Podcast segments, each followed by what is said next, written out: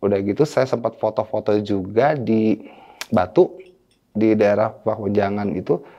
Dan situ ada perempuan sosok dia itu pakai uh, baju keraton Jawa. Dia bilang kamu itu keturunan dari bumi Sukawati. Pada saat itu saya nggak tahu bumi Sukawati itu apa. Itu ternyata itu adalah mungkin peradaban atau mungkin seragen. Saya nggak ngerti ya mungkin uh. sampai sekarang itu masih misteri buat saya gitu kan belokan mau candi gede kan ada kayak uh, apa sih namanya tebing gitu kan tangga gitu belok. Nah tuh di situ saya kok ada Hanuman tuh kalau saya lihat sih lebih ke arah serigala tapi dia Hanuman gitu kan. Jadi lebih kok makhluk kayak yang kan kalau Hanuman yang biasa kan yang uh, putih gitu itu bukan. Hmm. jadi dia lebih lebih beringas gitu. Dia tingginya ada kali 10 meter. Dia ngegantung di tebing itu dia ngeliatin saya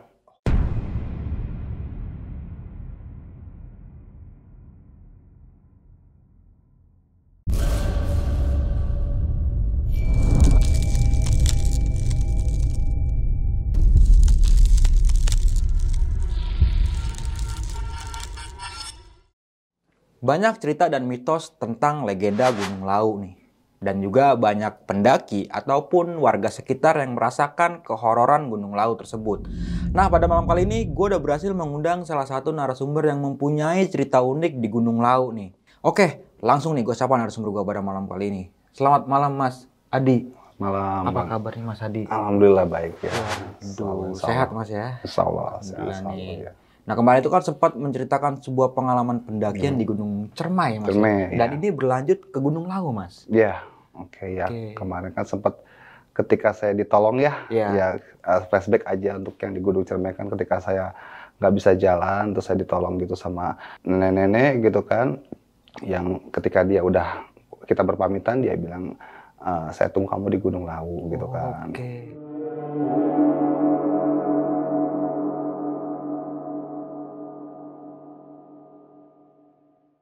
Oke nih Mas, gue penasaran banget nih apa yang bakal uh, diceritain nih di cerita Gunung Lau nih. Kan episode sebelumnya ini Gunung Cermai ya. Yeah. Dan pada malam kali ini mau menceritakan sebuah Gunung Lau ya. Oke. Okay. Oke, nah ini Mas. Namun sebelum kita masuk ke ceritanya, bagi teman-teman semua yang belum subscribe, silahkan di subscribe terlebih dahulu, like, comment, and share. Jangan lupa nyalakan loncengnya agar teman-teman semua nggak ketinggalan video terbaru dari besok pagi. Jangan lupa juga di follow Instagram besok pagi, karena di situ banyak banget informasi mengenai seputaran pendakian, sewa rental outdoor, atau bagi teman-teman yang pengen menjadi narasumber kayak Mas Adi pada malam kali ini, bisa juga nih langsung aja di DM di Instagram besok pagi yang ada di sini nih. Mau nggak mau, suka nggak suka, bahwa hal gaib itu ada di sekitar kita. Tanpa berlama-lama lagi, langsung aja kita masuk ke ceritanya.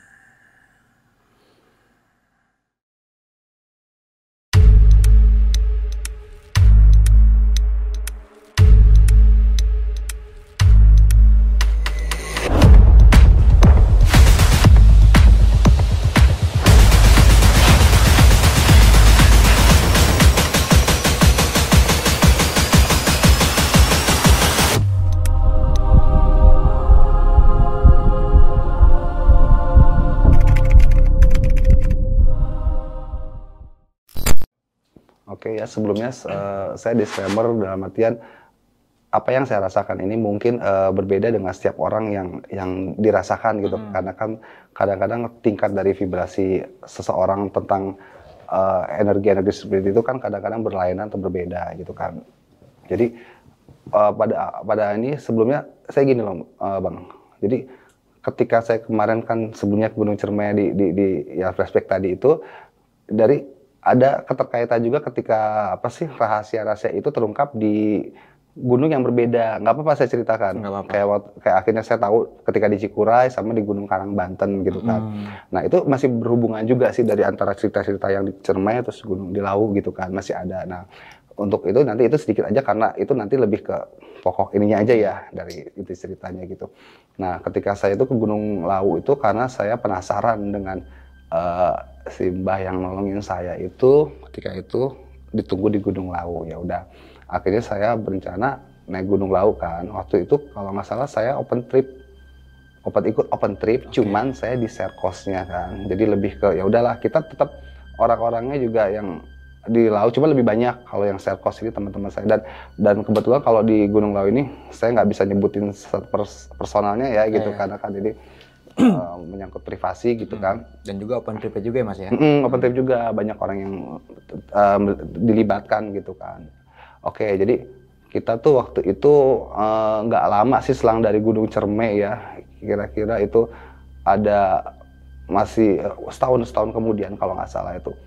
Uh, koreksi aja kemarin ternyata 2021 di Gunung Cerme ya saya salah lihat. Oh, Jadi iya, ketika iya, ini iya, di iya. 2002 nih lau ini. Oh berarti cerita awal. Gunung Cermai ini di tahun 2021 ya Mas Iya ya? 2001. Dan Gunung Launya di tahun 2022. Iya. Oke, selang setahun ya. setengah tahun Eh. gitu. Jadi kalau nggak salah tuh di Gunung Lau itu kayaknya kalau nggak pertengahan atau awal, pokoknya pertengahan tahun ada, pertengahan atau awal-awal tahun gitu. Oke, kita pergi open trip waktu itu saya cukup banyak ya ada berapa ya yang yang share cost itu dengan orang-orang yang hampir sama seperti gunung eh, yang lima kemarin ikut. Ada Hmm. lagi tambahannya gitu. Pokoknya kita berlima, enam, tujuh, delapan. delapan Oke. sembilan orang waktu itu yang share cost gitu kan terus udah gitu udah kita ikutan share cost terus apa namanya kita berjalan gitu saya waktu itu mikir ya udah nggak sempet waktu itu temen temen kan eh, satu kantor juga tuh ada ikut gitu kan dia sempat bilang udah kita ke lau. Dia yang penting kita ke lau lah kita nggak usah sampai puncak apa apa tapi bener bang kita nggak akhirnya nggak sampai puncak karena ada trouble di situ kan. Hmm. Oke. mandah perjalanan di gunung eh, gunung Lawu kan. Nggak ada apa-apa cuman kalau di gunung Lawu saya tuh lebih dilihatin kayak pertama itu sosok-sosok ya bang ya. Jadi pas eh, awal-awal kan kita yang share cost itu kan digabung perjalanannya sama yang open trip gitu kan. Nah kita kebagi kebagi beberapa gitu kan emang waktu itu agak ya berceceran juga tuh nggak nggak berk gitu ada yang duluan apa gimana Hmm. gitu kan banyak pada waktu itu hampir ada kali kurang lebih lebih dari 15 orang gitu ya Oh, 15 oke. sampai 20 gitu kan nah udah gitu terus udah aku nggak aku aja nggak sampai nggak apa ah, lupa ya perselamanya karena kita juga ya aku fokusnya di yang cost aja teman-teman aku gitu Nah kalau boleh tahu Mas, eh, via jalur Lau ini dari Ceto. Oh dari Ceto. dari Ceto Oke. ya Ceto gitu kan nah pas awal yang waktu itu saya sempat ketemu nah yang anehnya nih eh, bang ketika saya naik dari Gunung Lawu tuh saya sempat sama sih kayak mau awal-awal tuh sama Gunung Cerme saya disuruh puasa Oke. Eh, tapi saya nggak puasa waktu itu karena waktu kondisi badan saya kurang fit ya. Jadi Ah, dan saya kan ya jujur ya bang kalau pun pendakian gitu kan saya nggak nggak bukan karena pendakian spiritual ya Mm-mm. gitu kan. Ya umum mendaki aja gitu kan. Nggak ada embel-embel ke situnya gitu. Oke tapi saya nggak puasa gitu kan. Nah cuman pas saya udah di Gunung Lawu tuh dari mulai awal pendakian begitu nginjekin eh, kaki Gunung Lawu tuh saya tuh kayak diawasin sosok ya tinggi besar. Benar kalau kalau kalau sayanya segini misalnya gitu tuh ya sosoknya tuh segede saya oh. itu selama perjalanan tuh saya di- diawasin sama perjalanan tuh sampai ke jadi setiap perjalanan sampai ke base camp nanti pas pulang juga diawasin tapi dia nggak nggak nggak kenapa-napa nggak Hmm. ngeganggu cuman diawasin Cuma mantau aja gitu. ya? mantau gitu kan Oke. terus eh, saya juga ngeliat di situ kalau misalnya di Gunung Lawu itu lebih pada dilihatin ditunjukin ketika pas eh, jalan itu kayak misalnya sosok-sosok kayak orang-orang zaman dulu gitu dengan anak kecil. Terus sosok-sosok yang kayak ada orang yang jiwa-jiwanya tersesat di situ saya juga dilihat-liatin gitu kan. Lebih ke situ gitu. Kayak orang yang eh, saya lihat tuh orang itu kayak eh, laki-laki dia pakai baju hitam hitam terus kayak yang tanah tanah apa?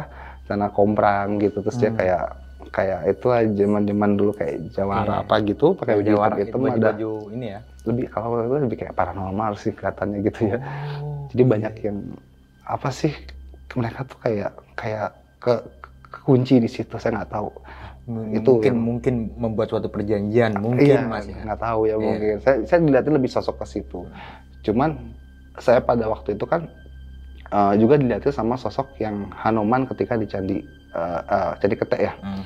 ada tuh jadi pas belokan mau candi ketek kan ada kayak eh, apa sih namanya tebing gitu kan tangga gitu belok. Nah tuh di situ saya kok ada Hanuman tuh kalau saya lihat sih lebih ke arah serigala tapi dia Hanuman gitu kan. Jadi lebih kok makhluk kayak yang kan kalau Hanuman yang biasa kan yang eh, putih gitu itu bukan. Hmm. jadi dia lebih lebih beringas gitu. Dia tingginya ada kali 10 meter. Dia ngegantung di tebing itu dia ngeliatin saya cuma ngeliatin aja gitu saya pada saat itu nggak tahu kalau arti cetek itu adalah monyet ya gitu kan Hmm. ternyata kata temen eh gua tadi ngeliat monyet di situ gitu kan nah ini cari ketek ketek ternyata, oh oh ya udah nggak ada masalah karena saya nggak diganggu apa cuma nunjukin eksistensi dia gitu Oke, kalau gua tuh ada di sini gitu ya Mas. Iya gitu kan. Dan dia kayak ngeliatin kayak kayak ngawasin, tapi ngawasin bukan ngawasin yang kayak niat jahat atau apa enggak. Jadi ngeliatin kayak oh kayak saya tangkap oh ini, oh ini gitu loh. Jadi kayak oh gitu udah akhirnya. Nah pada saat itu saya ada salah satu yang open trip bareng sama kita tuh yang rombongan yang serkos teman-teman gua. Nah dia itu kan eh, orangnya juga sensitif ya gitu kan Indigo lah ya. mungkin Iya, gitu tapi bisa sensitif nah gitu terus sempat juga sih ketika itu saya lihat juga teman-teman juga udah ngerasa karena dia badannya besar apa gitu kan kelihatan dia tuh kayak yang capek kayak yang gimana kita untuk ngasih tahu dia mas mendingan balik aja gitu. Nah karena emang di sini juga ya akhirnya kan kita eh, jadi kayak terhambat gitu karena harus kita nggak mungkin tega kan karena nunggu apa teman kita susah apa gimana kita tinggalin gitu kan kita bantuin. Nah itu sempat dia yang banyak penglihatan juga banyak yang diganggu.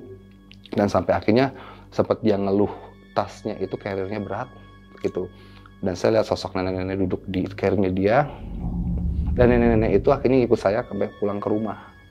Selama dua minggu gitu kan. Nah lanjut lagi nih. Eh, oke itu nanti aku ceritain Eh, gitu ya. oke. nenek itu. Terus aku lanjut lagi jalan gitu kan. Jadi ketika aku masuk blok peperangan di sini banyak yang kayak aku tuh ngelihat kayak pasukan berkuda di sepanjang dia tuh. Itu aku lihat itu aja gitu. Terus udah gitu lebih ke arah sana gitu. Terus aku tuh selalu kayak apa yang jadi eh, mbah itu undang itu kayaknya tunjuknya bentuknya seperti itu. Kayak di entah itu bassnya. Aku nggak mau terlalu terlalu misalnya GR aku disambut apa enggak gitu. Tapi aku ngerasa lebih ke ya udah lu udah datang ke sini dan nemuin undangan jadi kayak Oke. nah, Welcome lah ya gitu ya. Heeh, sampai ada aku juga sempat liatin daerah blok perangan sama Kubak Menjangan itu di situ di situ kayak ada perkampungan di situ. Aku lihat juga banyak banyak kayak abdi dalam perempuan yang pakai kembang dan dia sempat nyamperin dan whisper ke saya dia bilang apa ya selamat datangnya Sugeng Rawuh Den Mas dia bilang manggil saya Den Mas gitu kan. Udah akhirnya terus udah saya sini kan luar biasa nih kayak misalnya eh, ternyata mungkin eh, Mbah Putri yang dulu di Cermai itu maksudnya silahkan datang ke suruh, suruh ke ini mungkin saya harus datang ke sini gitu dengan cara tapi mereka sambutannya positif. Luar biasa. Beda dengan di Cermai gitu kan ya. Iya. lebih positif kalau aku lihat di, di Gunung Lau. Udah gitu saya sempat foto-foto juga di Batu di daerah Pakunjangan itu. Dan situ ada perempuan sosok dia itu pakai eh, baju keraton Jawa. Dia bilang kamu itu keturunan dari bumi Sukawati. Pada saat itu saya nggak tahu bumi Sukawati itu apa itu ternyata itu adalah mungkin peradaban atau mungkin seragen saya nggak ngerti ya mungkin Ah. sampai sekarang itu masih misteri buat saya gitu kan apa itu tapi itu ngasih tahu ya mungkin eh balik tadi Mbak itu pengen tahu ketika kita kan punya leluhur atau mungkin nenek moyang kita yang tadi abang cerita Hmm, itu kan kita iya, harus benar. tahu apa namanya eh, latar belakang atau apa kita Dulu nih- uyut moyang lu main ke sini. nah gitu, nih Iya, kamu iya. pengen mereka tuh juga tahu nih Ah, tepatnya Ini apa sih, keturunannya nih gitu. mungkin gitu Hmm. tapi untuk jujur untuk kalau untuk saya kebetulan emang bapak Jawa ibu emang dari Banten gitu Hmm. kan teman saya kalau dari bapak kan saya pati obor tuh nah udah tuh bang saya ketemu di situ udah gitu saya ngerasa justru malah vibrasinya itu saya ngerasa happy di situ kayak nggak nggak ngerasa ketakutan lebih, lebih ke arah yang positif gitu kan di Gunung Lawu itu. Sampai akhirnya di pasar setan pun ketika saya mau datang ke situ itu sempat saya dengar riuh suara pasar layaknya gitu. Tapi saya pas ke situ itu sepi langsung. Jadi nah oke ini s- sorry saya mungkin agak eh, ini karena mungkin di di laut mungkin memorinya agak-agak ini terbatas nih saya. Jadi pas sebelum itu kan di kupak eh, kupak Menj- eh, di bulak peperangan kupak menjangan tuh. Hmm. nah itu sempat saya itu keluar jalur bang. Keluar jalur oke. saya tuh kayak ngeliat sosok perempuan dengan eh, baju oke nggak apa-apa kali ya diceritain. Di dia bajunya seperti kalau kalau kalau kelihatan tanpa sinar matahari itu dia lebih hitam. Tapi kalau di, di- kena sinar gitu dia lebih warna hijau gitu. Hijau jadi kayak apa ya warnanya Kayak nyala gitu tuh. Mm, hitam kalau sepintas tapi kalau kena saya tuh dia warna hijau.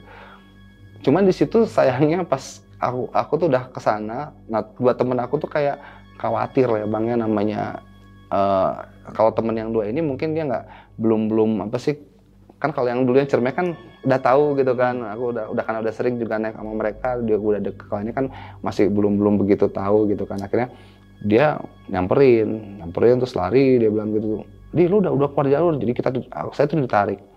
Nah anehnya lagi di situ pas kita lagi aku tuh nggak nyampe sampai perempuan itu bang. Jadi perempuan tuh udah kita jaraknya berapa ya? Eh, sekitar 100 meter lah dari aku gitu. Di, di cuman, cuman dia cuma senyum udah. Ya karena aku temen aku udah khawatir jadi aku distract ya jadi nggak terlalu nggak nggak nggak nggak tahu ini maunya apa gitu nyampein Oke. apa saya nggak tahu kan dia akhirnya udah di situ saya balik lagi. Tapi saya ngelihat ada dua sosok burung ya yang saya juga nggak tahu tiba-tiba keluar dari situ. Kalau dari semak-semak eh ini burung sampai temen. Ini kayaknya burung kayaknya aneh gitu. Saya juga tapi saya mikirnya nggak macam-macam ya. Maksudnya apa? Tapi emang iya benar jadi satu jalak lau satunya lagi burung apa ya nggak ngerti. Kayak kayak perkutut tapi bukan perkutut apa ya? Jadi kayak agak besar juga gitu. Hmm. nggak ngerti gitu. Tapi kayak tak liatin terus dia terbang. Terbang beriringan dua-duanya itu. Udah saya nggak apa namanya eh, udahlah akhirnya eh, pendakian gini kan sempat nggak nggak nggak gini ya nggak kok ini saya nih kalau ini cuman gini doang apa maksud si Mbak Putri ini apa saya suruh ke sini gitu kan. Saya belum ketemu juga nih sama Mbak Putrinya karena mungkin karena awalnya saya udah telat tuh naik pokoknya kacau kacau dalam artian eh, destinasi waktunya juga berantakan karena ada yang ada yang bermasalah. Tadi itu yang saya bilang yang ada agak sensitif itu bermasalah kan gitu. Hmm. jadi kita harus nungguin dia sampai kalau jalan tuh sampai kita harus eh, tuntun belok kiri kanan awas ini gitu. Jadi sampai matanya itu dia habun gitu loh bang. Gitu. Jadi itu memperlambat banget sampai kita akhirnya dua malam di sana. Gitu. Oke. jadi nah terus eh udahlah. Itu kacau gitu kan. Akhirnya aku nggak Nyai Putri ini apa Mbak Putri ini apa gitu kan. Mbak Putri ini ke sini ini apa gitu kan. Aku nggak ketemu karena mungkin aku disuruh puasa nggak puasa kali mungkin energinya tuh nggak nggak terkoneksi Hmm, apa saya nggak ngerti iya. gitu ya. Beda sinyalnya gitu ya. Mm, cuman ada yang aneh lagi ketika di bulak peperangan itu saya disuruh ngambil tanah. Jadi ini yang agak aneh juga ambil tanah ini ada yang eh, bisikin aku biar kamu nanti kangen dan kamu kangen pulang ke sini dia bilang gitu. Sempet takut juga cuman saya ketemu saya ini ada yang nyuruh gua ngambil tanah gua bilang gitu. Ambil nggak? "Ya udah ambil aja. Akhirnya saya ambil sedikit tuh ya di eh, apa sih plastik rokok saya keluarin kan Hmm. udah saya taruh saya saya, eh, saya untuk saya masukin eh, jaket gitu kan udah saya ngambil udah ngambil aja lah nggak tahu untuk apa yang penting disuruh saya ngambil gitu kan ya udah ya penting bukan bunga Edelweiss ya mas ya. Eh, bukan tan Iya. tanahnya Tanah gitu kan Biasa mah nggak apa-apa sih. Iya, udah saya ambil, udah karena trouble juga temen-temen sakit gitu kan, akhirnya saya nggak nggak muncak kan ya, ya bang ya karena ya udahlah teman saya juga kondisinya nggak mungkin saya egois. Akhirnya beberapa ada yang muncak, saya sama teman-teman yang deket ya tiga orang ya, teman yang dari Cilegon dan eh, itu tuh nggak nggak muncak karena sakit gitu. Akhirnya udah saya di eh, Mbok Yem tidur kan. Nah, nah pas pulang itu, oh iya ada satu lagi lupa. Ketika pas mau muncak itu kan ada satu teman yang dari satu juga sebut aja si B lah gitu kan. Hmm. Nah dia itu nggak tahu kenapa gitu ya. eh, dia tuh kayak aku ngerasa dia tuh kayak diganggu gitu loh. Sampai dia tuh hampir kesurupan. Nah hampir kesurupan ya tiba-tiba dia tuh yang eh manggil gua, mang mang mang dia udah udah bungkuk gitu kayak udah tuh udah aku coba untuk eh, keluarin gitu kan ternyata dia udah alhamdulillah keluar gitu kan nah terus nah ini nih yang satu ini termasuk dia ini yang yang ketika aku keluar jalur itu bang itu yang manggil aku tuh. Lari gitu kan jalan itu termasuk dia juga gitu kan. Nah terus udah kita sampai udah aman dia udah udah aman aman aman. Dia nggak nggak sampai kesurupan sampai yang dia hanya baru sampai ketimpalan doang gitu kan. Udah gitu jalan. Terus pas kita ke dia ke puncak gue cuman eh, saya si S sama si A itu nggak ke puncak bertiga karena si A itu sakit kan kita ada delapan itu udah saya akhirnya nunggu di situ pulang kan kita sampai di Boyam tuh kira-kira jam 2 siang ya jam 2 siang itu sampai di sana nah pu- turun itu badai bang badai kan nah yang kan si eh, si B yang kesurupan tadi itu kan tetap bareng sama saya kan. Iya. Nah, itu kita badai gelap. Kita akhirnya kan turun dari Boyem itu. Aku kan nggak muncak ya, jadi aku turunnya dari Boyem gitu kan. Sekitar jam setengah empat, jam empat lah itu ya. Udah mau udah sore itu karena badai gelap dan udah kabut juga. Sama satu lagi dari eh, porternya yang open trip itu kan juga ada berapa orang ya? Satu, dua, tiga, empat, Eh, lima, lima orang sorry. Ya kurang lebih itu. Terus udah gitu, nah si B ini yang kesurupan itu tuh itu diganggu sampai dia dipanggil namanya tuh ada yang kayak ngegemak gitu bang. B B B gitu. Aku nih ini ini, ini orang salah apa sih? Gitu kan si B ini salah apa kok sampai Sampai segitunya diganggunya sampai itu. segitunya. Udah B gue bilang lo di depan. Akhirnya kan saya di belakang tuh pas turun itu. Di belakang udah jarak pandang udah 2 2 sampai 1 meter kan bang udah kabut kan. Udah turun. Akhirnya kita sampai bawah itu jam jam 8 ya sampai ke tempat ngecamp itu kan. Nah sampai tempat ngecamp tuh jam 8 terus karena teman saya si A itu yang yang bermasalah yang nggak muncak sama saya itu dia sakit akhirnya orang orang ini orang eh, apa nih OT-nya ngomong bang pulangnya besok aja ya soalnya ini sakit takutnya kenapa-napa Hmm, Nah, buat iya. diistirahat dulu di camp ya, Iya, ya? akhirnya kita dua malam kan bang. Oh, akhirnya iya, dua iya. malam gitu kan. Akhirnya tadi ya begitu dari puncak kita langsung turun. Ini ada yang trouble. Udah gitu sama yang orang yang agak sensitif itu juga dia nggak mungkin orang kadang-kadang siang aja susah jalannya gimana malam gitu loh. Hmm, Takutnya iya. kita something kan sama Iya, dia gitu. Udah terjadi sesuatu lah gitu kan. Akhirnya udah itu pas turun karena badai tenda kita juga pada basah, sleeping bag basah. Akhirnya kita tidur di shelter rame-rame tuh. Nah pas itu jadi gangguannya tuh lebih ke arah eh, apa ya sekejar sekedar sesuatu tapi nggak nggak kalau tuh nggak nggak penting jadi pas lagi tidur tiba-tiba brak itu pintu ngeblak tiba-tiba aku ngeliat sosok perempuan di atas aku tuh dia rambutnya putih. Terus ya kayak nenek-neneknya dan nenek ikut ikut saya itu sampai ke Cilegon gitu oh itu nenek-nenek yang sempat eh, gelantungin iya. tasnya yang iya sensitif ini ya? iya. Oke. itu. Jadi eh, apa? Ikut? Eh, saya saya pada itu udah nggak ngeladenin lah. Saya bilang udah saya capek gitu kan ya. Hmm. udah nggak nggak mau terlalu didramatisir. Jadi saya udah saya tidur udah nggak ada masalah itu terus udah gitu udah nih kok saya nggak dimimpiin? Saya nggak diapain si si mbah ini suruh apa saya di sini? Gitu kan. Hmm. Nah, suruh apa di sini? Gitu. Nanti mungkin lebih jelasnya ketika dari laut itu ternyata instruksi-instruksinya itu lebih jelas ketika saya udah di Cilegon gitu, pas bukan di Gunung Launya gitu. Iya, jadi sebenarnya nggak ketemu. Akhirnya pas saya pengen ketemu tuh, akhirnya saya saya sengaja loh, bang. Saya saya dengerin apa? eh, saya kan suka, saya juga ada darah Jawa, jadi suka Hmm. ngedengerin lagu-lagu kayak gending-gending Jawa gitu. Itu saya turun itu pas turun besok pagi itu saya puter loh. Saya jauh dari eh, gerombongan, saya sendiri duluan gitu. Saya dengerin itu di, di handphone tuh lagu gending Jawa. Saya bilang, Mbak, gua gini, Mbak suruh saya ke sini suruh apa saya? Gue bilang gitu kan. Mbak juga nggak nemuin sampai kayak gitu saya Iya. kan. Nah akhirnya suara lagi dia bilang, sekarang kamu tahu kamu siapa, gitu kan. Dan kamu gunakan kemampuan kamu sebaik mungkin, gitu. Kemampuan apa saya nggak paham, nggak paham. Mungkin tadi yang kalau kalau oke lah kamu tahu siapa mungkin bisa kasih tahu. Tadi itu yang ibu pakai baju keraton, itu tahu nggak tahu siapa tiba-tiba saya lagi foto-foto di batu dia duduk samping saya, dia bilang kamu dari Bumi Sukawati. Oke mungkin itu pada saat itu saya nggak tahu Bumi Sukawati apa. Tahunya pas ketika di udah di balik Cilegon gitu kan, saya Hmm. Google ternyata Bumi Sukawati itu ya kayak peradaban. Ternyata kalau nggak salah pas Ragen kalau nggak salah tuh ya. Jadi saya tuh masih masih ada misteri gitu kan. Dah saya turun, kayak udah nggak ya kayaknya kayak masih kurang puas gitu loh bang. Hmm. Saya disuruh gini. Sama hasilnya ya? Eh, maksudnya apa Iya. gitu kan ya udahlah yang penting saya udah ke, eh, ke Gunung Lau gitu tapi ada perasaan kangen tuh masih gitu kan nah udah akhirnya saya pulang nggak ada masalah nah pas sampai kalau nggak salah seminggu dua minggu gitu loh saya tuh lagi tidur bang tiba-tiba saya itu udah sampai rumah nih ya udah Hmm. sampai rumah tuh Udah, udah udah dua minggu setelah pendakian? Nah, setelah pendakian, Oke. udah saya oh, nggak ada apa-apa ternyata. Udah saya bawa pa- apa tanah itu segala macam, udah nggak ada apa-apa. Nah, terus udah gitu pas eh, dua minggu setelah pendakian, tiba-tiba saya lagi tidur, saya cekikikan. Cekikikan kayak nenek-nenek, saya kaget, ini apa nih nggak beres gitu kan. Nah, terus eh, saya akhirnya rukyah mandiri Oke. dari dari dari YouTube ya gitu kan.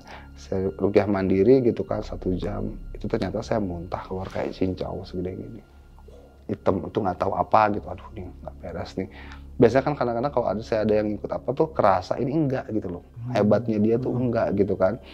Jadi ini kok bisa seperti itu? Sudah saya nggak saya nggak terlalu apa namanya eh, mikirin adalah yang penting udah keluar badan saya udah enteng udah udah mungkin biasalah kayak gini-gini gitu mungkin namanya dari gunung apa ketimpalan segala gitu kan mungkin sayanya nggak nggak langsung bebersih apa gitu udah mikirnya positif aja nah udah tuh nah ini berlanjut lagi sama ke cerita yang tanah itu buat apa gitu kan Oh. ternyata Baru terungkap di sini Mas ya. Iya. Tanah tiba-tiba aku di rumah nih bang. Terus ada yang kayak ngasih tahu, aku tuh suruh nyampurin tanah itu sama air yang ada di Gunung Karang. Jadi di Gunung Karang tuh kan di puncaknya ada air, air tujuh sumur kan. Mm-mm. Aku ambil tuh gitu kan. Dan itu masih ada sampai sekarang pun masih ada di rumah itu air itu saya taruh di ruang eh, tengah gitu kan. Saya taruh di situ, disuruh campurin, suruh minum. Awalnya saya nggak mau, nggak, ah, saya takutnya mikir takut ada keterikatan atau apalah gitu Mm, kan. Iya. Nah, udah tuh akhirnya saya nggak nggak nggak mau uh, minum itu kan karena ya udahlah takut mikir macam. Cuman sekuat apa saya ngelawan tiba-tiba saya saya minum gitu loh bang. Tanpa disengaja. Jadi kayak tuh kayak kayak pas lagi di rumah diem tiba-tiba kayak kayak nggak sadar aku campur dan aku minum. Jadi aku minum aku campur aku aduk gitu air aku tunggu udah gitu reaksi awalnya sempat sih kepikir loh gue minum itu jangan. Gue takutnya ya namanya tanah kita nggak tahu kandungannya apa di situ Iya. kan. Apalagi tanah takutnya ada uh, zat-zat berbahaya gitu kita nggak ngerti gitu. Udah minum sempet kayak keringet dingin bang.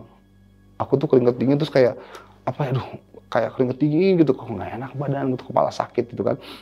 Aku tidurin kan. Dah pas itu tidur bangun. Ah, oke lah nggak ada masalah. Udah udah tuh aku biasa jalanin kehidupan sehari-hari aku gitu sampai akhirnya kembali lagi ke eh, naik gunung tuh bang gitu kan. Pertama kalau nggak salah tuh kalau nggak salah nih gunung eh, karang gunung karena kan kadang-kadang aku suka ke situ karena paling deket ya dari dari lokasi aku di Cilegon gitu kan. Jadi kalau mau misalnya pemanasan sebelum naik gunung aku gunung karang dulu karena aku bisa tektok gitu kan naik turun gitu. Aku, aku pulang pergi gitu. Waktu itu sama orang kantor. Nah ini keungkap nih yang dari gunung Cerme gitu kan Oh. Nah ini nyambungnya ke sini. Jadi sebenarnya laut itu sebagai perantara aja, tapi nyambungnya ke gunung-gunung ini gitu. Akhirnya ungkap-ungkapnya tuh harus dari gunung ke gunung gitu loh bang. Oh. Keungkapnya oke, gitu. Iya iya iya. Iya gitu terus akhirnya pas waktu itu tektok sama temen waktu itu dua tiga empat berlima kalau nggak salah tuh cewek satu gitu kan. Aku ceritanya pas bagian inti yang berhubungan dengan cermenya aja ya bang ya Hmm. gitu kan. Jadi di situ tuh nya mungkin next kapan aku ceritain tentang masalah Gunung Karang ya kita ada, ada lagi cerita Next lagi Gunung nanti. Karang. Cuman di Gunung Karang itu aku pernah ketemu sosok juga sosoknya macan kumbang. Ada sosok dan dia waktu itu juga pernah nolong aku turun sama seperti yang di Gunung Cerme. Oh. Gitu. Dia pernah turun waktu itu kondisinya nanti aku ceritain itu juga ada ada ada itu gangguan kalau itu itu awal-awal saya pertama kali ke gunung itu Karang itu ketemu namanya ya sosoknya. Aku nggak ngasih nama ya sosoknya itu adalah bentuk macan kumbang gitu kan. Ketemu pas ketemu dia nyapa aku dengan kamu bawa siapa di sini? Aku bingung aku bawa siapa? Aku kan nggak pernah logikanya bawa siapa siapa gitu paling teman bukan di belakang. Pas aku nengok ke belakang ternyata di belakangmu ada macan kumbang juga. Ternyata dia bilang dia jadi komunikasinya gini loh komunikasi mereka nggak ngomong cuma kayak telepati gitu Eh, eh, Nah, eh, kayak ngerasa gitu ya. Iya, telepati dia bilang saya yang dari Gunung Cerme. Ternyata yang dari Gunung Cerme ketika saya dikejar itu ternyata ada gitu. Nah, oke, ke situ lanjut lagi. Ini saya jawab semua yang ada. Kenapa saya suruh ngambil tanah segala macam. Akhirnya udah, oke lah, nggak ada gangguan. Jadi saya udah skip nih ya yang Gunung Karang. Nah, ketika saya waktu itu ke Gunung Cikuray, nah ini ketahuan kenapa saya suruh ngambil tanah. Jadi ternyata waktu itu saya emang jujur eh, agak nakal ya bang ya. Jadi jangan coba-coba untuk membawa jimat apa pun di ke gunung gitu kan. ya. Oke, iya iya iya. Jangan bawa Seru nih kayaknya nih. Iya gitu kan. Jadi pas ke gunung, eh, jadi balik lagi ya sebelum ke ya mungkin ini estafet jadi ada gunung Karang, gunung Lau ya mungkin nggak apa-apa satu ini Hmm, bang nggak ya gitu kan satu frame gitu kan. Nah jadi pas eh, ke Gunung Cikura itu emang saya iseng bawa jimat gitu loh dari Thailand gitu kan pada saat itu. Jadi eh, saya pakai. Tapi emang sebelumnya kan pasti kalau setiap ke setiap ke gunung saya berdoa ya bang ya minimal sholat malam minta perlindungan segala Mm-mm. macam. Pada saat itu di Gunung Cikura itu saya nggak mau ketemu babi dan nggak mau ketemu hujan. Alhamdulillah dijabah nggak ketemu ya. Cuman saya bawa jimat. Pas bawa jimat itu saya ditegur bang sosoknya itu laki-laki tapi perawakannya itu kakinya ular Sebelum lanjut ke cerita, untuk kalian yang ingin menjadi narasumber di besok pagi dan mempunyai cerita horor dalam pendakian, kalian bisa kirim cerita kalian ke Instagram official besokpagi.idv atau melalui email besokpagi.ch@gmail.com. dia laki-laki badannya kekar gitu karena rambutnya panjang tapi laki-laki gitu dan dia bilang yang lucunya lagi ketika dia bilang dia nggak nggak nggak kasar ya tapi ngomong gini sampurasun dia bilang putra Banten dan putra Lau itu setelah saya minum air itu. Oh iya. kamu nggak akan kuat di sini. Nah pas begitu ngomong gitu yang macan kumang dari cermin dia gurek kayak masukin kayak ngelawan. Dan siang nyai tetap ada dia bilang udah anak ini urusan saya Oke. gitu nah di gunung sempat bingung nih jadi ada di dalam desa ada dua sosok yang masuk si macan kumang dan si nyai itu Hmm, setengah-setengah berarti mas ya? macan kumang tuh kayak oh, mau nyerang saya luar kendali itu ini kok saya baru kali ini dimasukin dia gitu loh. Baru kali ini dia tuh interaksi ketika si ular yang dari Cikura itu datang, saya sebelumnya belum- mencegah mungkin. Iya, mungkin dia mungkin uh, nada dia mengancam saya gitu Iya. entahlah apa gitu kan. Mengancam cuma dengan nada yang halus. Iya, masih sampurasun Iya, gitu kan, iya, gitu iya, kan. Jadi akhirnya udah emang jujur Bang, eh, saya tuh di Cikura itu ketekan ya. Jadi sih dua, dua meter kayak ngap gitu, ngap lebih ngap. Akhirnya saya lepas kalung jimat itu, Hmm. saya minta maaf ya gimana juga kan mungkin saya lancang. Itu bukan vibrasinya dan saya merasa saya tuh disangkanya nantang atau gimana padahal enggak gitu loh maksudnya cuman iseng aja gitu nah cuman ya itu saya akhirnya Cikura nggak ada masalah cuman sampai ak- akhirnya ketika aku tuh udah nggak kuat banget bang nggak kuat banget tetap nggak kuat nih ya. Pas udah turun itu udah sempet saya istirahat tuh sampai posisi ketiduran gitu bang sampai kayak lemesnya gitu kan. Nah terus di mimpi itu Cikura didatengin sama perempuan dia bilang ini kamu pulang sekarang. Saya bisa lari bang turun itu bang. Jadi yang lucu lagi pas saya turun lari itu hujan. Teman saya kan saya tinggalin tuh ada empat orang tuh di Cikura itu. Hmm. itu berempat lima eh, empat lima enam tujuh orang. Udah gitu saya lari itu hujan. Kalau temen gua tuh Kang Adi turun tuh ngibrit hujan gede gitu. Tapi sebenarnya udah hujan tapi gerimis ya gerimis nggak tahu. Ini tapi pas saya itu hujan gede udah saya selamat. Nah jadi kesimpulannya saya nggak ngerti untuk kenapa saya ke gunung. Mungkin kalau yang saya lihat di sini emang lebih ke arah ya itu aja. Kayak napak tilas dari mungkin leluhur gitu. Hmm. Nah, kan kalau Gunung Cerme itu kan dulu eh, ibaratnya juga ada leluhur tapi dari garis turunan ibu. Mm-mm, Nah, iya. mungkin ini bapak saya kan Jawa dengan Banten Oke. gitu. Jadi intinya mah eh, dari itu belum terjawab sih soalnya masih ada insya Allah kalau ada eh, umur panjang, rezeki, waktunya pas, mungkin ada ke gunung. Oh ada berapa gunung yang bakal ditaikin? Iya ada berapa gunung yang naikin gitu kan. Oke. Cuman yang saya nggak tahu. Kadang-kadang saya juga capek intinya kan saya naik gunung itu bukan untuk nyari spiritual ya. Itu Hmm. nggak ada niatan ke situ cuman ternyata pas aku naikin ternyata ada ada ke arah ke sana gitu loh. Hmm. ya, mungkin yang paling yang paling diganggu ya tapi sampai sekarang sih kalau yang dari kita balik lagi ke cermin tuh kayak seperti masih ngawasin gitu. Masih ngawasin entah apa gitu sampai suatu saat saya bakal kembali lagi tapi teman-teman yang waktu cermin itu nyaranin jangan lu nggak usah lu kalau ke cermin lagi lu sama aja bunuh diri Hmm. tapi aku suatu saat bakal situ lagi nanti gitu loh Mm-mm. biar bisa tahu nih akhir ceritanya itu endingnya kayak gimana Iya. ya? kadang-kadang eh, kita pikir sih ya sebagai manusia gitu kadang kalian tuh maunya apa sih gitu Hmm. saya Rasa, rasa eh, kepo itu ada iya, ya? saya tuh nggak niat apa-apa, saya niat ngedaki gunung tuh cuman dia naki gunung, tapi kok ada sesuatu yang tersirat yang mungkin mereka rahasiain entah apa yang aku tuh harus kayak nyari puzzle itu teka-teki itu gitu loh. Nah itu menariknya juga di situ. Jadi ya kalau kalau saya sih itu, itu pengalaman disclaimer aja lebih ke pengalaman uh, spiritual pribadi sih bang. Oke, cuma pengen tahu jati diri aja mungkin ya. Iya jati diri. Apa sih yang ada di Iya, yang mungkin nanti juga. Tapi kalau kalau yang di itu di laut juga laut dan cermin juga sosok-sosok yang saya temuin di gunung itu saya gambar gitu ada Hmm. ilustrasinya gitu kan. Oke. Tapi balik lagi ya mereka itu sepertinya satu sama lainnya terkoneksi entah apalah gitu yang yang yang menjadi dasar tapi nggak nggak nggak tahu terkoneksi dan dan pernah saya suatu saat itu bukan mimpi ya bang ya lagi bengongnya tiba-tiba mereka tuh semua hadir di situ gitu loh Oh. yang orang-orang yang pernah gue apa makhluk-makhluk yang pernah gue temuin di gunung-gunung itu dari mulai gunung karang gunung Brosari gunung ini. Ya mungkin nanti suatu saat kalau ada kesempatan aku ceritain yang gunung-gunung yang itu gitu kan. Hmm. dan dengan dengan sejarah-sejarahnya seperti itu ya udah.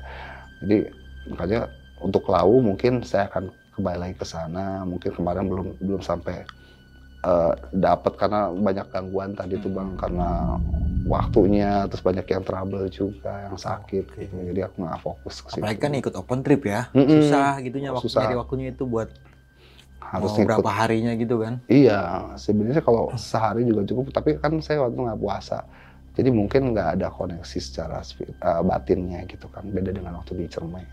Tapi eh, dari makhluk penghuni makhluk Gunung Lau ini nggak sempet nggak nggak positif kan ya? Eh nggak negatif ya gitu maksudnya?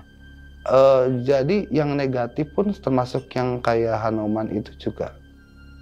Jadi jatuhnya cuman dia ngawasin aja gitu. Saya nggak ngerti ya mungkin karena saya juga disuruh dari saya ini nanti mungkin suatu saat cerita dengan sosok saya Nyai Putri ini siapa dan Mm-mm. sebenarnya kalau saya lihat di situ di gunung itu semua saling terkait ya.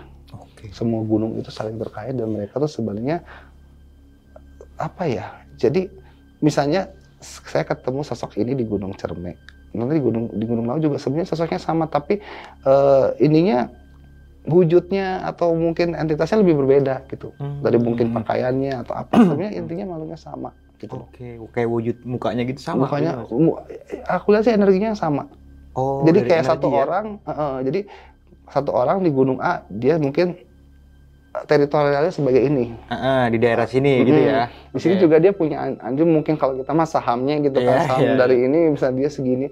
Cuman es- eksistensi mereka tuh sebenarnya semua gunung itu mereka tuh satu keterkaitan gitu. Oh.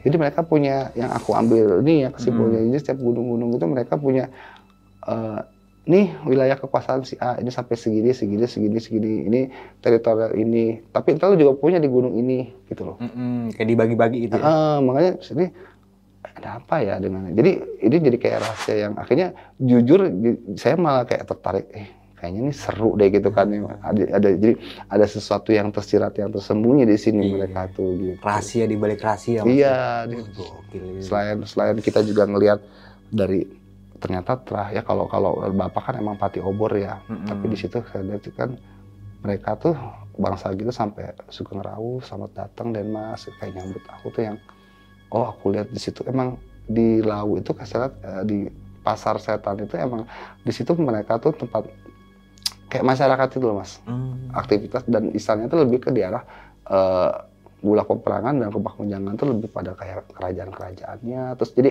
ada ada kasta-kastanya juga mereka kasta kasta-kasta yang Nah, mungkin bawah, Mm, tinggi gitu ya. prajuritnya ada Oh, seperti iya, seperti iya. tatanan juga perekonomian apa bukan perekonomian pemerintahannya juga ada di situ Oke.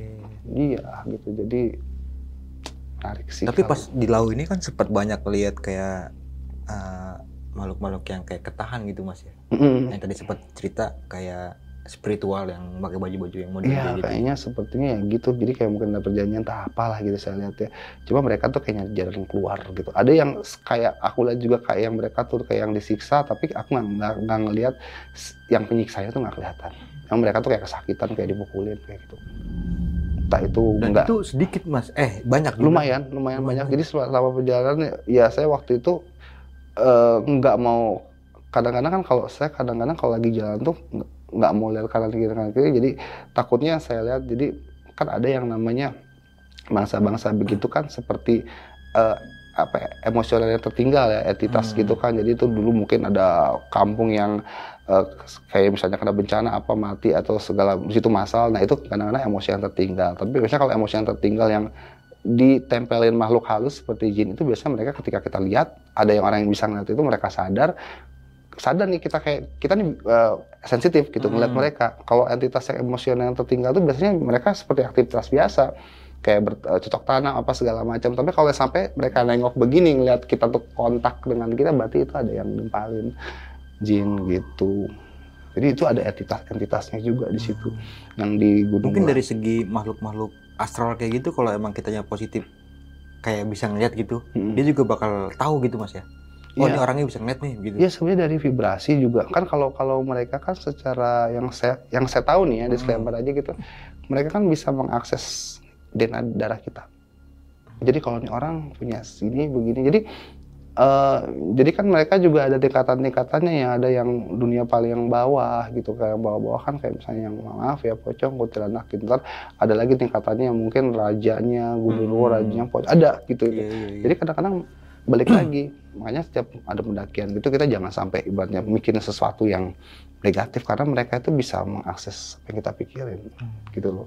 Nah, positive thinking aja. Jadi ap- dan mereka juga bisa mengambil apa sih ketakutan kita terdalam tuh apa. Misalnya kita takutnya sama misalnya pocong apa gitu. bakal bakal timbul. bakal timbul karena walaupun kita nggak kelihatannya nggak ini tapi kalau Iya, kitanya iya, ini iya. mereka ngasih vibrasi getaran itu makanan mereka gitu loh. Lu takutnya sama apa nih gitu? Mm-mm. Pasti di- ditimbulin gitu. Iya, makanya kalau udah takut nih, sarannya kalau menurut Mas serem apa mikirnya jangan jangan bangsa-bangsa begitu, mikirnya Iya. makanan aja. Iya, yang senang-senang aja berarti Mas ya. Senang-senang aja. Buat mikir. supaya uh, pikiran juga normal lagi gitu Iya, ya kan, buat gitu. menstabilkan perasaan atau nor eh perasaan. perasaan.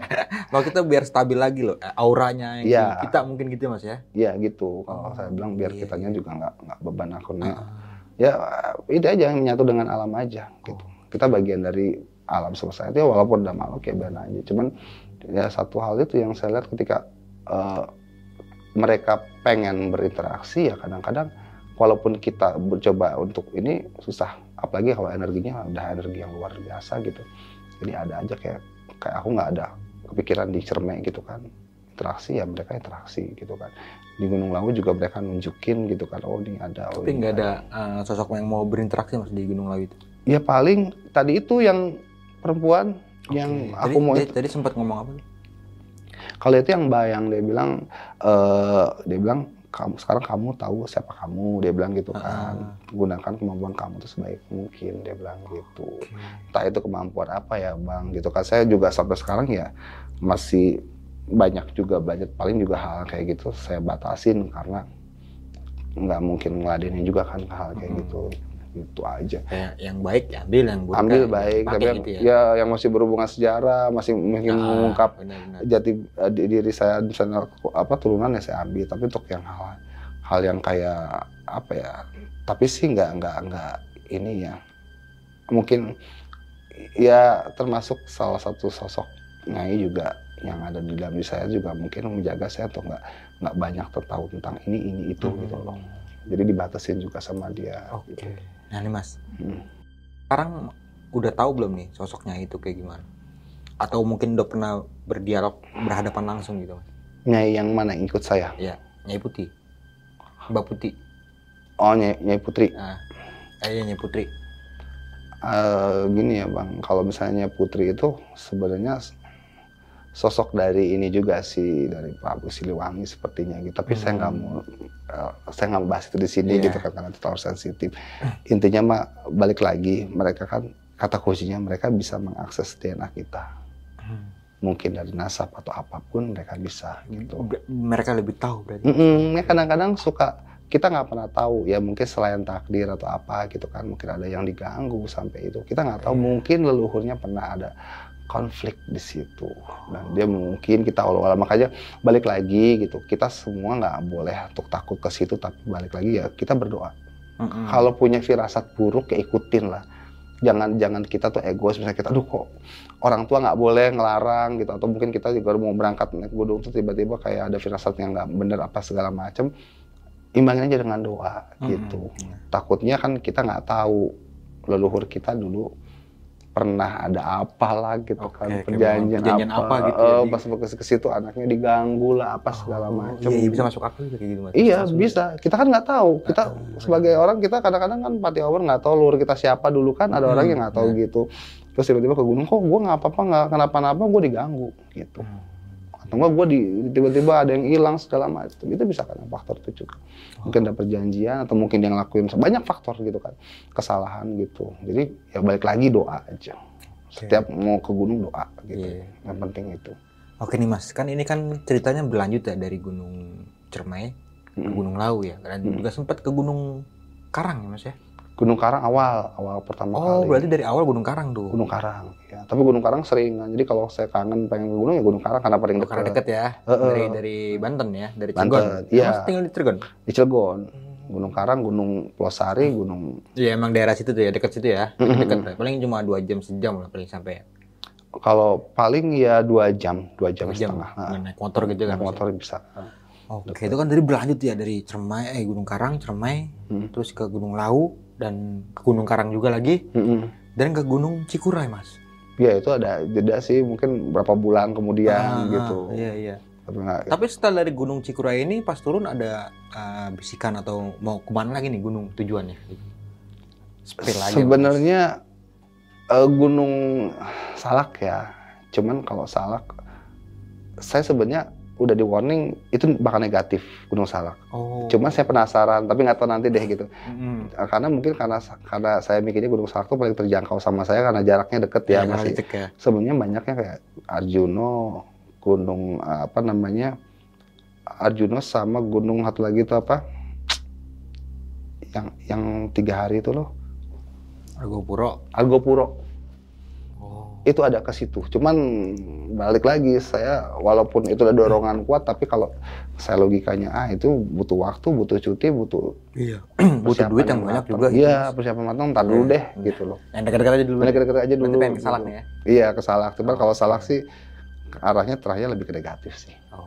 Gitu, lebih negatif itu. Tapi ada kayak larangan kan mas dari kakak mungkin ya kalau untuk Gunung Salak kan tadi sempat bilang kalau kakaknya Mas Hadi ini kan sempat ngebentengin ya Mm-mm. atau membatasi pergerakan dari Mas Hadi ya. Iya, paling waktu waktu di Gunung Cermai aja dia pesannya kalau kamu terjadi sesuatu, kamu kayak kesasar, azan. Oh. Gitu aja. Ternyata be- benar kan saya ham- hampir nggak bisa pulang waktu di Gunung Hmm. Cermai gitu. Tapi pas setelah sampai Gunung Lau ini ada sosok nenek-nenek yang ini nggak mas? Yang dua Yang sempat ma- masukin Mas Hadi di Gunung Oh itu ya itu. dua minggu setelah itu saya ketahuinya ketika boti. Tadinya kan ya saya pikir punggung berat karena baru turun gunung kan wajar ya kecapean Iya. apa gitu kan. Saya nggak sadar juga biasa saya suka kalau ada yang ngikutin tuh suka ketahuan apa ini enggak. Jadi ternyata dia itu punya macam-macam ya. Jadi kita tuh punya eh, alam bawah sadar kita gitu kan. Mereka tuh ada di sekat, kita tuh punya sekat-sekat-sekat termasuk bangsa-bangsa kodam juga ada di sekat-sekat itu gitu kan. Jadi ini nih makhluk ini lumayan hebat juga dia bisa nyelinap nyelinap tanpa kelihatan. Hati-hati. Makanya setiap bangsa seperti itu juga punya kemampuan yang tersendiri yang berbeda-beda. Iya, gitu. Makanya Kayak- lagi. kayak bisa menyembung- menyembunyikan aura dia sendiri mas. Iya bisa. Jadi nggak kedetek sama orang Mm-mm. luar gitu. Iya gitu. Sampai Mas Hadi aja nggak bisa ngedetek kalau dia tuh ngikut. Iya makanya itu saya juga pas mau tidur saya ngikik wah ini nggak beres saya bilang gitu. Oh, Oke. Ini nggak beres gitu saya kayak, kayak ketimpalan yang mungkin dia lagi apesnya gitu ketahuan sosoknya gitu pas saya lagi tidur sinkronasi padahal biasanya kan suka nyai juga wah nyai ini agak ini juga misalnya nggak ya itu saya bilang dia dia bersembunyi di sekat-sekat itu yang mungkin dia agak lihai emang ada mungkin eh, termasuk Keahliannya mungkin. ya. Mm-mm, termasuk yang yang itu juga yang waktu di gunung mana Lau yang masukin ke teman saya itu Iya. itu sosoknya kayak lebih kayak ke Petruk ya sosoknya tapi lebih mukanya lebih meng- mengerikan gitu kan nah dia juga tipekannya yang apa ya unik mereka tuh mereka mereka ya mereka tuh unik gitu loh karakternya gitu jadi kalau kita bisa oh ya udah gitu ya karena makhluk Tuhan semua kan beragam gitu Iya. Gitu Oke nih Mas Adi, thank you banget nih udah mau menceritakan kembali ya tentang perjalanan ke Gunung Lau ya. oke Kayak Sempet ditunggu ya, ditunggu di Gunung Lau kan. Awalnya Iya. kan dari Gunung Cermai Mas ya. Mm-mm. Dan Gunung Cermai itu kemarin wah keren Citunan. Teman-teman semua yang belum menonton cerita Gunung Cermainya bisa langsung aja Mas nanti ya. Setelah Gunung Cermai baru nonton video yang ini mas. Lawu ya. biar sinkron nyambung. ya biar nyambung gitu ya. Kalau nonton ini dulu terus ana ya nggak nyambung. Iya. takutnya jadi salah paham aja gitu mas. Iya ini maksudnya apa gitu. Kok Nah, loncat-loncat. iya, emang emang emang emang emang eh, kejadiannya seperti itu. Saya ceritain apa adanya ketika itu juga kejawabnya ketika yang nggak langsung bruk bruk bruk gitu. Saya Hmm. proses dulu ternyata oh ini yang dimaksud dari jawaban Gunung Cerme oh ini jawaban dari Gunung Lawu oke gitu. dan terbuktinya di Gunung Cikura ya. Selamat datang Putra Lau dan Banten ya Iya mungkin karena saya juga bingung kok dia bisa tahu gitu saya minum campuran tanah sama air Gunung Karang iya saya kan nggak cerita sama dia gitu loh bang iya bener, Iya kan? bener. Dia kok bisa saya tahu. sampai dek gitu kok dia sampai nyebutin begitu gitu loh dan yang lebih keren lagi dia sempat ngomong sampurasun ya. Iya, karena saya pikir ya tadi itu ternyata dia bisa akses. Saya bisa ngomong gitu karena tahu dari kesimpulan, oh dia bisa ngeliat itu karena dia bisa mengakses DNA gua. Kan minum kita ada di dalam Iya. tubuh gitu kan. Dan pada saat itu eh, sempat sosok yang macan kumbang ini ya Mm-mm. sempat buat masuk ke mas gitu mungkin Iya. buat melawan makhluk itu Nah, iya, tapi nyai nyai itu beda lagi nyai ya bukan nyai putri ya. Ini beda Oh, lagi. iya iya iya Yang waktu di Gunung Ce- eh, Cerme yang dia bilang jangan macam-macam anak ini. Itu kalau sok nyai itu dari kelas 5 SM eh SD sorry 5 SD saya udah nah itu yang ibaratnya nengahin ini anak ini tanggung jawab saya gitu bahasanya gitu urusan saya dia bilang. Mm, kalau dia macam-macam saya yang tanggung jawab mungkin gitu Hmm, tapi netral akhirnya nggak ada terjadi something apa. Cuman Hmm. energi kan mereka juga bentuk mereka tuh kan disebutnya eh, makhluk metafisik ya. Iya. jadi kalau mereka oke lah mereka mesti menghargai apa ya dia di belakang saya misalnya. Tapi secara nggak senang mereka itu ke saya ketangkep bentuknya kayak dada saya kayak ketekan oh iya. itu itu itu bentuk bentuk mereka tuh kayak sebenarnya nolak gitu loh akhirnya saya minta maaf tapi alhamdulillah sampai puncak gitu loh Hmm. sampai puncak gitu saya minta maaf saya lepas eh, jimat saya ya udah saya masukin tas dah bukan maksud saya untuk untuk nantang atau apa pun ini karena eh, ya iseng gimana iseng gitu berbicara Iseng tentang soal gitu. jimat mas Mm. itu ke Gunung Cikuray emang mau ngetes apa gimana nih mas jujur aja mas enggak sih sebenarnya ya karena mungkin gini loh mbak apa bang kadang-kadang kan eh saya suka barang-barang yang unik-unik gitu kan Oke, ya antik-antik itu ya Iya, Ah. antik-antik. Ini katanya bisa edit. Coba nih, ini ada ada ininya enggak?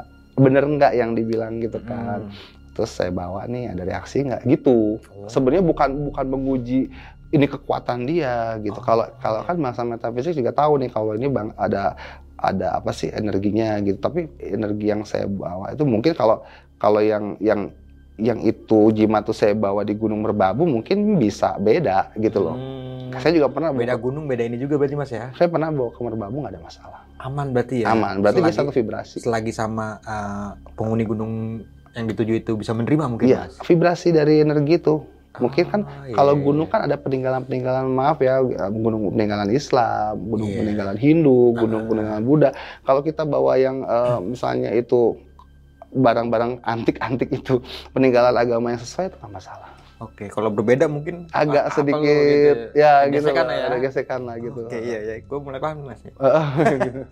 Oke nih Mas Adi, thank you banget nih Iya. udah mau berbagi pengalaman yang Iya, oke. keren sih Mas. Dan, dan kapok-kapok nih Mas buat Insya datang Allah, lagi iya. kemarin ya. Ditunggu nih cerita Gunung Salaknya nanti ya. Insya Allah gunung salah Oke Mas, sebelum mengakhiri video kali ini mungkin punya petua-petua atau pesan-pesan buat teman-teman semua. Ya tadi itu yang sudah saya sampaikan sebelumnya juga mengandung ya. Maksudnya satu ketika kita tetap ke gunung ke mana pun ya tadi itu kita harus banyak berdoa minta Mhm. sama Tuhan. Walaupun mungkin serahlah kita punya penjagaan tapi tetap utama Tuhan gitu. Karena balik lagi yang punya semesta dengan Tuhan intinya gitu. Berdoa minta petunjuk minta perlindungan setiap apalagi tempat-tempat yang ini. Terus kemudian yang yang kedua juga lebih apa ya lebih kita itu lebih peka terhadap diri sendiri gitu. Kalau kita tidak mampu atau segala macam, ya jangan dipaksain untuk mencapai sesuatu. Karena apa? Ya mungkin belum haknya kita untuk tahu. Gitu. Mhm. Itu aja sih. Harus sabar aja ya. Harus sabar. Misalnya kita belum sempat ke gunung A, pengen maksain, tapi kondisi kita lagi nggak fit apa jangan Iya. gitu loh. Gitu. Belum waktunya gitu. Mungkin itu aja nih dari gua Bang Mange dan juga Mas Hmm. Adi.